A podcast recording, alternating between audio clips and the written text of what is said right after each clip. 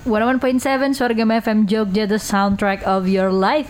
Your friends in the morning Barengan sama Kaniraras Akademia Jogja. Dan seperti biasa Kalau udah masuk ke hari Senin Artinya mari kita memulai minggu ini Dengan hal-hal yang menyenangkan Tapi sekaligus bermanfaat juga ya. Jadi ini adalah waktunya kita Untuk masuk ke sekolah Senin di Your Friends in the morning.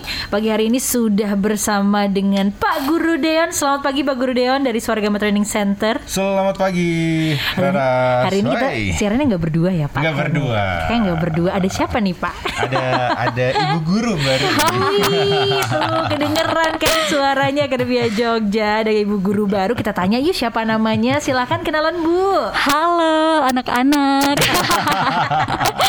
Saya jadi minder dipanggil ibu padahal masih muda lah Oke oke siap siap siap.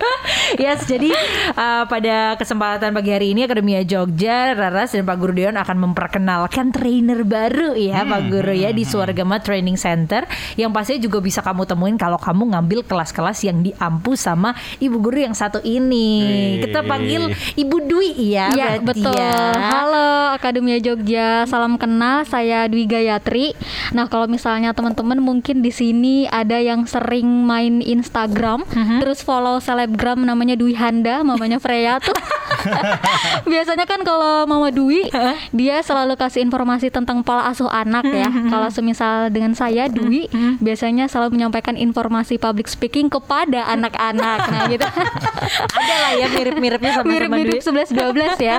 Jadi halo saya Dwi Gayatri, salam kenal untuk para akademia Akademia Jogja di pagi hari. ini. Oke oke oke. Tadi sudah diteaserin sedikit ya sama Ibu Dwi ini Akademia Jogja. Jadi bahwa uh, eh, Bu Guru Dwi ini itu mengajar di Swargama Training Center untuk kelas public speaking untuk anak-anak ya, Betul, berarti ya. anak dan remaja. Untuk kids and teen gitu Akademia Jogja. Kamu bahkan kalau mungkin baru dengerin ini terus baru tahu, ah ternyata di STJ ada kelas remaja dan anak-anak. Iya. Oh ada. Lengkap kita. Lengkap ya Pak Guru ya. Nah sekarang eh, mungkin ini yang eh, belum kita diketahui banyak orang gitu. Mungkin nanti dari Pak Guru dan juga dari Ibu Dwi bisa nambahin juga ya. Sebenarnya eh, apa sih pentingnya untuk eh, public speaking ini diajarkan sama anak-anak dari usia dini gitu?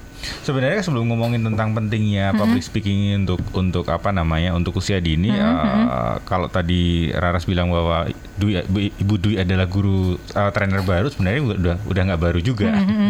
Jadi memang s- kalau saya kan spesialis ke dewasa gitu ya. Dulu pernah pegang anak-anak dan kesusahannya, kesulitannya itu bu- buat buat saya itu double, triple, bahkan kuartal empat kali lebih Ken- susah daripada ngurusin eh, dewasa gitu loh. Kenapa soalnya Pak Guru? Nggak tahu ya, mungkin setiap kita beda ya. Ada orang yang memang eh, suka dengan anak-anak, ketika ketemu dengan anak-anak, gitu, itu itu bisa gitu loh. Tapi kalau saya itu tantangan tersendiri gitu. Karena satu hal, semisal ketika di kelas gitu ya, kalau eh, orang dewasa kan, oke bapak ibu silakan berdiri, itu gampang banget udah langsung berdiri gitu. Anak-anak, ayo anak-anak silakan duduk, wah lari-lari. Dan itu butuh ekstra sabar, butuh ekstra uh, perhatian, butuh ekstra semuanya lah. Dan itu tidak semua orang bisa handle. Se, se- apa belum tentu orang yang jago public speaking kalau suruh ngajarin tentang anak itu bisa gitu loh. Makanya uh, Ibu Dwi ini memang satu expert yang uh, yang sangat pas lah untuk STJ karena selama ini STJ sering banget di- dihubungi untuk Mas ada nggak sih kelas kelas uh, untuk anak karena sering juga ada yang ikut kelas dewasa terus kemudian uh, saya juga ngomongin tentang uh, bet- betapa pentingnya public speaking itu terus kemudian orang-orang dewasa itu yang mungkin sudah punya anak atau sudah punya ponakan segala macam uh, mereka ingat tuh anaknya yang ingat ponakannya terus kemudian pengen belajar untuk "Eh, mas boleh nggak sih eh, anakku ikut? Mas boleh nggak sih ponakanku ikut? Maka dari itu terus kemudian kita hire satu trainer yang memang spesialis untuk untuk anak. Dan ini ini ex- trainer yang sabarnya panjang sekali. Nih. gitu ya. Emang gitu Bu, sabar ya. ya tapi memang cukup sulit ya kalau kita handle anak-anak. Em, mereka harus diminta berulang kali untuk melakukan sesuatu. Nah di situ tuh poin kesabaran yang dibutuhkan oleh seorang trainer dan membangun suasana hap- happy, terus yang fun juga di kelas agak cukup sulit. Jadi kita harus banyak bermain trik kalau bersama anak-anak. Oke oke oke oke oke oke. Jadi uh, mungkin Ibu Dwi boleh dong kayak bocorin dikit uh, tantangannya tuh apalagi biasanya kayak kasus nyatanya Iya, gitu yang iya. biasanya kalau di kelas tuh ngadepin anak-anak yang kayak gimana sih Bu? Gitu. Oke, kalau semisal di Suaragama Training Center sendiri, kenapa kita kemudian em, secara aktif em, melakukan program public speaking Speaking for Kids and Teens sebenarnya kita menyadari bahwa di masa pandemi ini terutama ya di tahun-tahun 2020, 2021 em, ada pakar UGM yang menyatakan bahwa komunikasi atau kemampuan bahasa anak-anak itu menurun. Hmm. Karena apa? Karena sekolah online, jadi mereka akan terbatas interaksinya antar guru, antar siswa gitu. Kemudian ketika mereka eh, berkumpul bersama teman-teman juga dibatasi, harus di rumah, ppkm pula gitu kan. Jadi em, kemampuan bahasa atau kemampuan komunikasi anak-anak itu ternyata menurun loh gitu karena pandemi ini. Iya. Ditambah lagi ternyata usia anak 5 sampai 18 tahun itu merupakan salah satu pengguna gadget atau perangkat teknologi yang cukup besar gitu. benar, benar, benar. Bisa kita lihat sendiri ya mungkin kepada anak-anak, kepada adik-adik kita kalau ketika mereka pakai gadget, mereka nggak mau tuh ngomong sama kita. Benar. ya kan? Ah. Kayak mereka fokus terlalu fokus pada gadgetnya yang kemudian menyebabkan komunikasinya jadi jauh lebih menurun gitu. Nah, itu yang kemudian menjadi tantangan kita bagi para trainer di STC untuk bagaimana sih cara meningkatkan kesadaran mereka tentang pentingnya komunikasi ini gitu.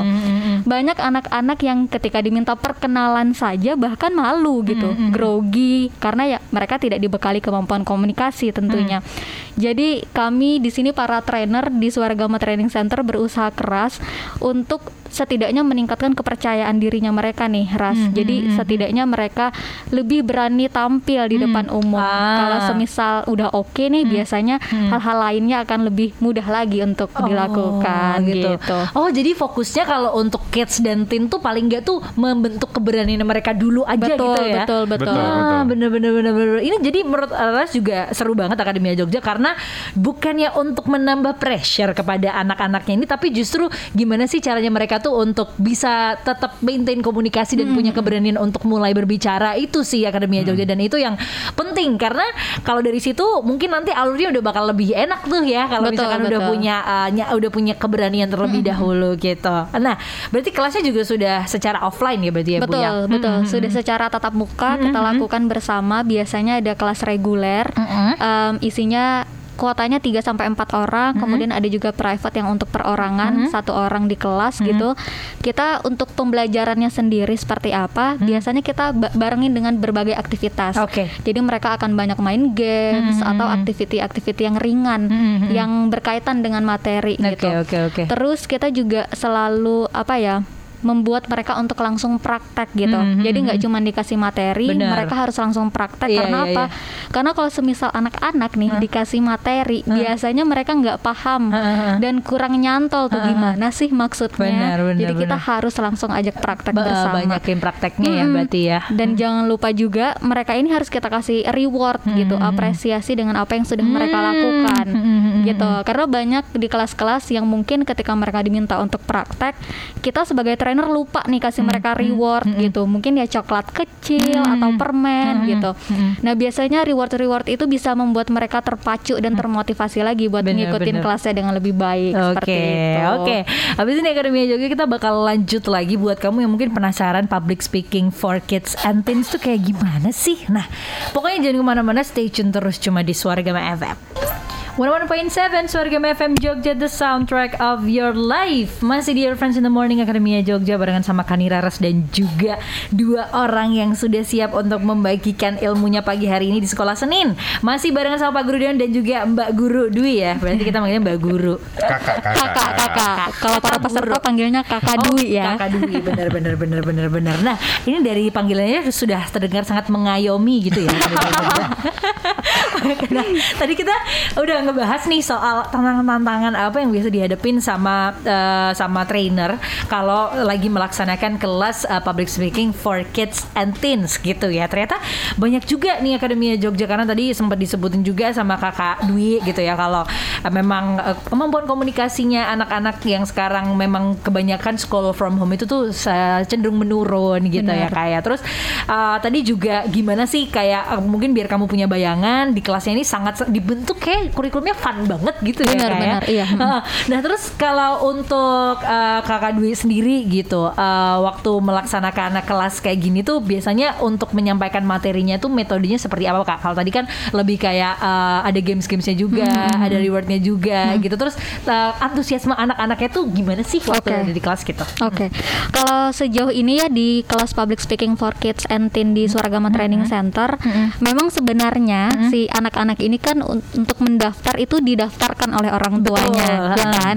Nah, terkadang kecenderungan kalau semisal mereka didaftarin sama orang tuanya, ada hal-hal yang membuat ah agak kurang antusias nih di kelas gitu, agak malas. Udahlah, yang penting datang aja karena udah didaftarin gitu. Tapi ketika kita membawanya lebih happy, ketika kita bisa nih menyentuh hati-hatinya mereka untuk bisa menyukai public speaking, mereka akan sangat antusias kok di kelas gitu. Gimana sih caranya biar materinya nyampe nih ke anak-anak gitu. Kalau semisal kita jelasin materi yang secara apa ya kalau bisa dibilang tekstual banget gitu, mereka akan sangat tidak menyukai ya jadi Nah, agak sedikit bosan gitu biasanya. jadi biasanya kita akan bawa dengan uh, memperlihatkan video contoh public speaking gitu atau kita bisa bacakan cerita mengajak mereka bercerita gitu. karena biasanya apalagi anak-anak yang tipe belajarnya audio visual Nah. itu akan sangat membantu gitu. Jadi kita pakai semua cara nih biar materinya bisa tetap masuk ke anak-anak gitu. Jadi em, kalau saya sendiri pribadi ketika mengajar lebih mengutamakan interaksi dengan mereka gitu. Dengan bertanya kemudian minta mereka cerita hari ini ngapain aja? Atau sesimpel em, kamu dari perjalanan ke- dari rumah menuju ke STC kamu ngapain aja sih? Biasanya mereka cerita. Anak-anak kan kalau cerita terus kita mendengarkan mereka kan sangat happy. Akhirnya di sampai akhir kelas mereka akan terus cerita gitu. Jadi biasanya em, itu yang kita bangun di awal dulu. Keterbukaan mereka untuk bercerita untuk ngomong itu yang kita bentuk dulu nih. Jadi kita nggak pengen membentuk mereka menjadi sesuatu tapi kita pengen mengarahkan mereka untuk mengembangkan kemampuan komunikasi sesuai dengan karakternya masing-masing Ah, seperti itu Seperti itu. Nah, ini sekarang pertanyaannya buat Pak Guru Deon deh Pak, karena tadi kan mungkin dari metode yang disampaikan di kelas public speaking kids and teens ini itu kan metodenya menyenangkan sekali ya dengan Iya, cerita storytelling gitu. Tapi sebenarnya kalau dari materinya sendiri itu tuh berbeda nggak sih sama yang diajarkan di kelas yang dewasa gitu? Kalau ngomongin tentang materi mungkin eh, berbeda ya.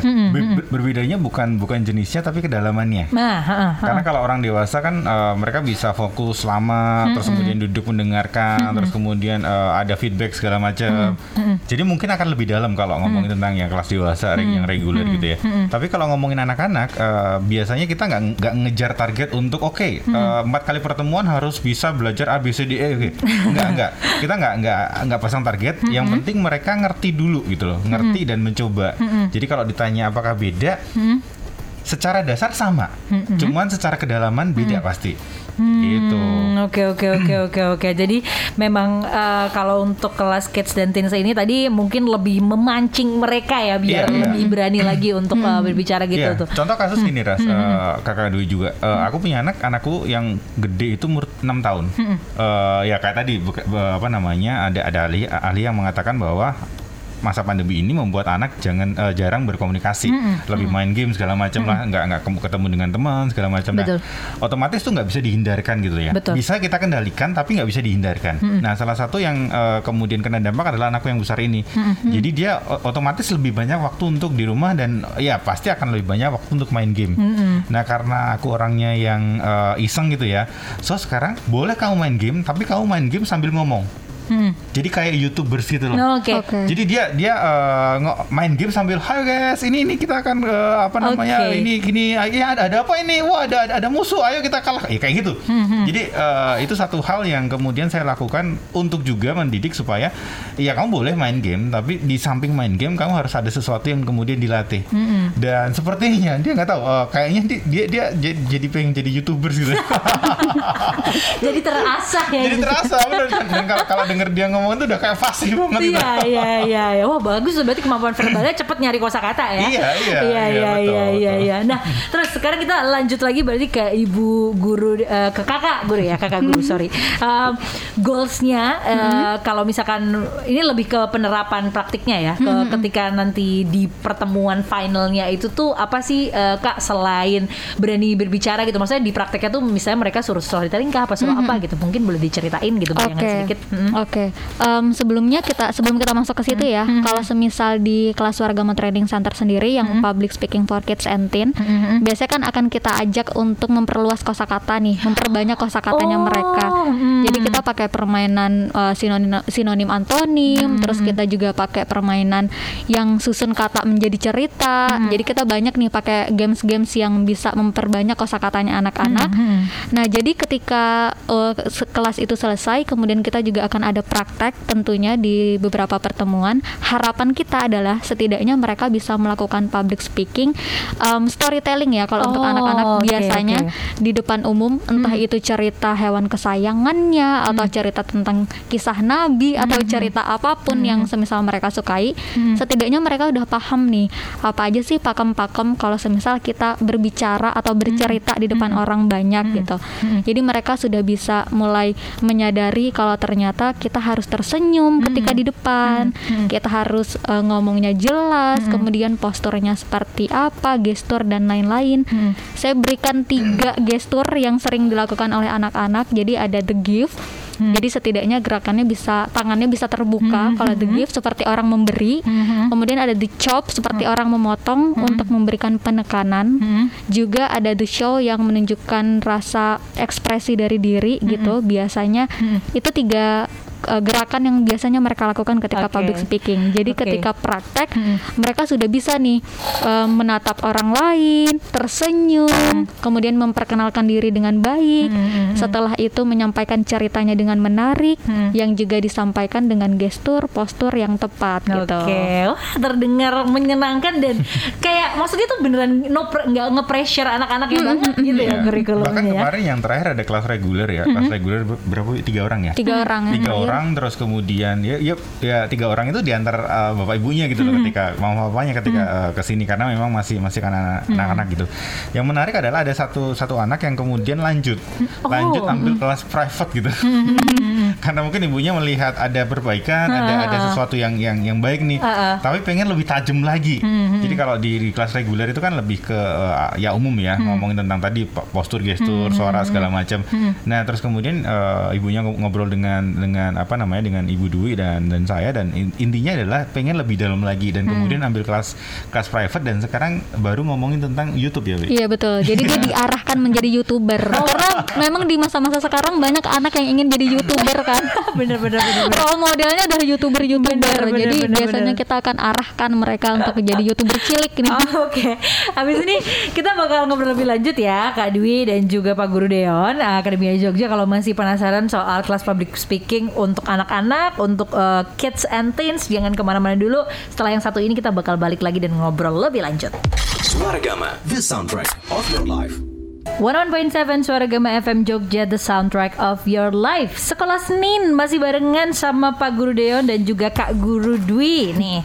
Oh ya tadi kita lagi ngebahas soal public speaking untuk kids dan juga teen. Eh, Sebenarnya banyak nih Akademia Jogja Bahkan tadi eh, Kak, Kak Dwi sempat cerita waktu off air Kayak feedback-feedback dari para orang tuanya nih yang sangat-sangat luar biasa ya. Ternyata memang membawa impact yang segitu besarnya gitu loh Buat anak-anak muridnya Kakak Dwi gitu. Tapi mungkin dari Kakak Dwi sendiri boleh diceritain sebenarnya pentingnya tuh apa sih untuk anak-anak dan uh, usia remaja ini belajar public speaking gitu kak? Silahkan Oke, kalau untuk public speaking sendiri ya untuk anak dan remaja itu bisa memberikan beberapa hal kepada anak. Khususnya pertama adalah mereka akan lebih berani untuk tampil di depan umum gitu. Ketika kita bekalin dengan kemampuan komunikasi atau berbicara di depan umum yang baik, biasanya mereka akan lebih berani bersuara, kemudian lebih berani tampil gitu. Jadi ketika diikuti ikut sertakan di berbagai hal yang membutuhkan intensi dari orang banyak, biasanya mereka akan lebih percaya diri ini. Jadi kemampuan komunikasi yang baik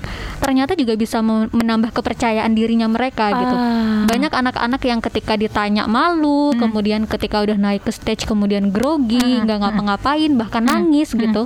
Itu bisa jadi karena dia kurang dibekali dengan kemampuan komunikasi gitu, Ras. Jadi mereka akan lebih uh, menutup diri, kemudian malu karena bingung harus seperti apa. Nah, public speaking akan membekali itu gitu. Oke, oke, akan oke. mempersiapkan mereka untuk lebih berani dan Benar. percaya diri lagi Ha-ha. karena kemampuan komunikasinya udah oke nih. Hmm, hmm, hmm. Gitu. Terus em, eh, fungsi lainnya adalah ketika mereka memahami public speaking, ketika mereka punya bekal itu, kualitas dirinya juga jadi lebih meningkat gitu. Oke. Anak-anak akan terbiasa dengan pola pikir yang kritis. Hmm. Mereka udah berani menyampaikan ide, udah menyampaikan pendapat, Hmm. kemudian sudah memberikan komentar, feedback dan lain-lain karena kemampuan komunikasinya oke. Hmm. Jadi biasanya anak-anak akan lebih em, terbantu lagi nih kualitas dirinya, Hmm. lebih menjadi anak-anak yang kritis sehingga nanti kelak di usia dewasa mereka lebih siap lagi untuk menghadapi berbagai hal Oke. gitu. Jadi memang di usia anak terutama 5 sampai 18 tahun sebenarnya, tapi kalau di kita diperuntukkan untuk 8 sampai 12 tahun, Hmm. memang adalah umur-umur atau usia yang rentan Hmm. untuk menerima pembentukan karakter yang baik. Benar. Mereka biasanya apa ya terbentuk dari apa yang mereka biasa lakukan, apa yang mereka biasa lihat gitu di usia tersebut. Jadi sebaiknya memang dengan segera dibekali dengan kemampuan komunikasi atau public speaking di usia-usia tersebut. Benar, seperti benar, itu. benar, benar, benar. Nah, jadi ini juga sekedar insight nih buat Akademia Jogja bahwa public speaking ini tuh nggak cuman melulu soal ngomong di depan umum ya. Iya, Memang iya, iya, ada goal saya ke situ, tapi juga dengan membekali kemampuan komunikasi buat anak-anak. Benar. Mm. Dan mereka kan jauh lebih pede ketika menjalani kehidupan mereka sehari-hari gitu loh. Nah. Contoh semisal ketika di sekolah kan biasa kalau semisal di sekolah itu uh, gurunya bertanya, oke siapa yang tanya? Kan biasanya uh, anak-anak uh, ada pertanyaan dan semuanya kan diam saja. Iya, iya, padahal masih belum ngerti Padahal, gitu. pa- mungkin padahal masih belum ngerti Ah, gitu loh. Tapi ketika dia punya skill untuk ngomong, terus kemudian keberanian dirinya meningkat, yang terjadi adalah dia akan jadi lebih aktif. Dan ketika dia jadi lebih aktif, guru akan lebih mengingat. Dan ketika guru akan mengingat, eh, itu akan jadi apa ya bola-bola salju yang semakin lama semakin besar, yang otomatis sesuai apa eh, bola salju itu jadi efek positif untuk si anak itu. Benar. Itu baru di kelas, baru di sekolah. Belum lagi kalau semisal eh, dia ikut berorganis- eh, berorganisasi, Ikut terus kemudian lomba. ikut lomba, segala macam itu dampaknya eh, dampaknya besar gitu loh. Bukan hanya sekedar bisa ngomong tapi di balik itu ada sesuatu yang bekerja gitu loh. Bahkan, tadi eh, ketika kita offer duit tadi cerita bahwa ada satu bapak bapak dari satu peserta yang ngomong ngomong apa tadi Wi? Em, Terima terima, kasih kasih sudah memberikan warna kepada memberikan anak saya. Terharu banget. Iya, iya, iya. Iya kan iya. berarti kan dan itu eh, cum berapa berapa kali pertemuan Empat sih kita? kali pertemuan. Empat kali Hmm. pertemuan dan itu sudah cukup untuk memberikan eh, warna untuk si anak ini. Benar. Karena eh, kebanyakan orang tua mereka akan berhenti ngajari anak anaknya ngomong ketika anaknya sudah bisa ngomong. Iya, iya, sudah iya. Hmm, bisa ngomong bapak aku lapar aku mau makan. Mereka ber- eh, mereka berasumsi oke berarti sudah selesai tugasku untuk ngajari mereka ngomong karena mereka sudah bisa ngomong. Hmm. Padahal itu baru start baru start Iya. oke dia bisa ngomong so gimana caranya ngomongnya lebih terstruktur ngomongnya lebih oke ngomongnya lebih berani segala macam sih nah itu ada ada ada eh, pembelajarannya juga Hmm, hmm, hmm, hmm, hmm. Nah, terus kalau untuk kelas kids dan juga teen ini Kak Dwi itu kategori usianya dari berapa sampai berapa sih? Kalau yang kids berapa, yang teen berapa Oke. gitu? Kalau di STC sendiri Kids and Teen kita gabung jadi Oke. 8 sampai 12 Oh. gitu langsung kita jadikan dalam satu kelas karena em, dari berbagai pengalaman anak-anak di rentang usia tersebut masih tetap bisa adaptasi bersama Masih gitu. connect gitu ya. Masih connect, masih nyambung jadi kita jadikan dalam satu kelas. Biasanya ada 3 sampai 4 peserta untuk kelas reguler. Pelaksanaannya empat kali tatap muka Oh, oke. selama dua minggu. Jadi di Senin dan Rabu kalau untuk jadwalnya di siang hari pukul 2 siang. Kemudian em, kalau untuk kelas yang private hanya sendiri di satu kelas bersama trainer dan tatap mukanya juga sebanyak empat kali. Durasinya berapa jam? tuh, Jadwalnya lebih fleksibel. Oh. Untuk durasinya satu jam. Oh, Oke. Satu jam gitu.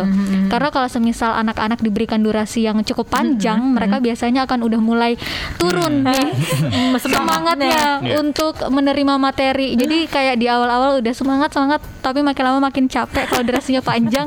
Jadi durasinya satu jam kalau untuk usia 8 sampai 12 tahun. Bener gitu. banget tuh jadi seperti itu ya Akademia Jogja inilah pentingnya untuk uh, mungkin membekali dengan kemampuan public speaking yang uh, se- yang mumpuni sejak dini gitu ya Uh, mungkin soon akan menyusul ya kelas-kelas uh, yang lainnya dengan Betul. versi untuk anak-anak ini Betul, ya Ya, betul. ya. Dan kayaknya Rara sudah tertarik mau ngajari anak-anak untuk belajar jadi penyiar. semoga kesabaran Rara sepanjang Kak Dwi ya Tapi kan sebetulnya memang sudah pernah ya. Oh iya Raras pernah pernah pernah juga Akademia Jogja ngajar kelas teen ya waktu Iya, itu ya. penyiar radio. Benar benar benar benar. Oh Nih, ya, uh, anyway uh, terakhir dari dari STC kita ada ada ada spesial uh, apa namanya promo untuk uh, orang tua yang sekarang sedang mendengarkan dan pengen anak-anaknya belajar tentang public speaking. Dan kita ada ada paket khusus untuk uh, bagi siapa pun uh, anak-anak yang usia tadi 8 sampai 12 ya. 8 sampai 12 yang pengen belajar tentang public speaking uh, so segera saja hubungin di STC at Suaragama TC di Instagramnya atau di WA-nya di nomor 0856 2727 323. Ada promo spesial deh, so segera hubungi saja Iya. nomor tersebut dan Tanya bisa admin ya, Mas ya? Tanya admin, Bener. ada Minsi di situ. Bener banget dan nanti juga bisa follow aja Instagram Suara Gamai TC ya biar Iya, gak ketinggalan info-info lainnya. Baik, kalau begitu terima kasih Kakak Guru Dwi, terima kasih Pak you. Thank you, Ras. Sudah hadir pagi hari ini di Sekolah Senin. Semoga informasi yang tadi sudah kita obrolin, kita sampaikan ke kamu Akademia Jogja bermanfaat dan kamu jangan lupa pokoknya kalau mau nanya-nanya tadi langsung aja nelpon ke mana nih Kak Dwi? Di 0856 27 27 323. Oke, dan jangan lupa juga follow Instagram @suaragamatece. Suara Gama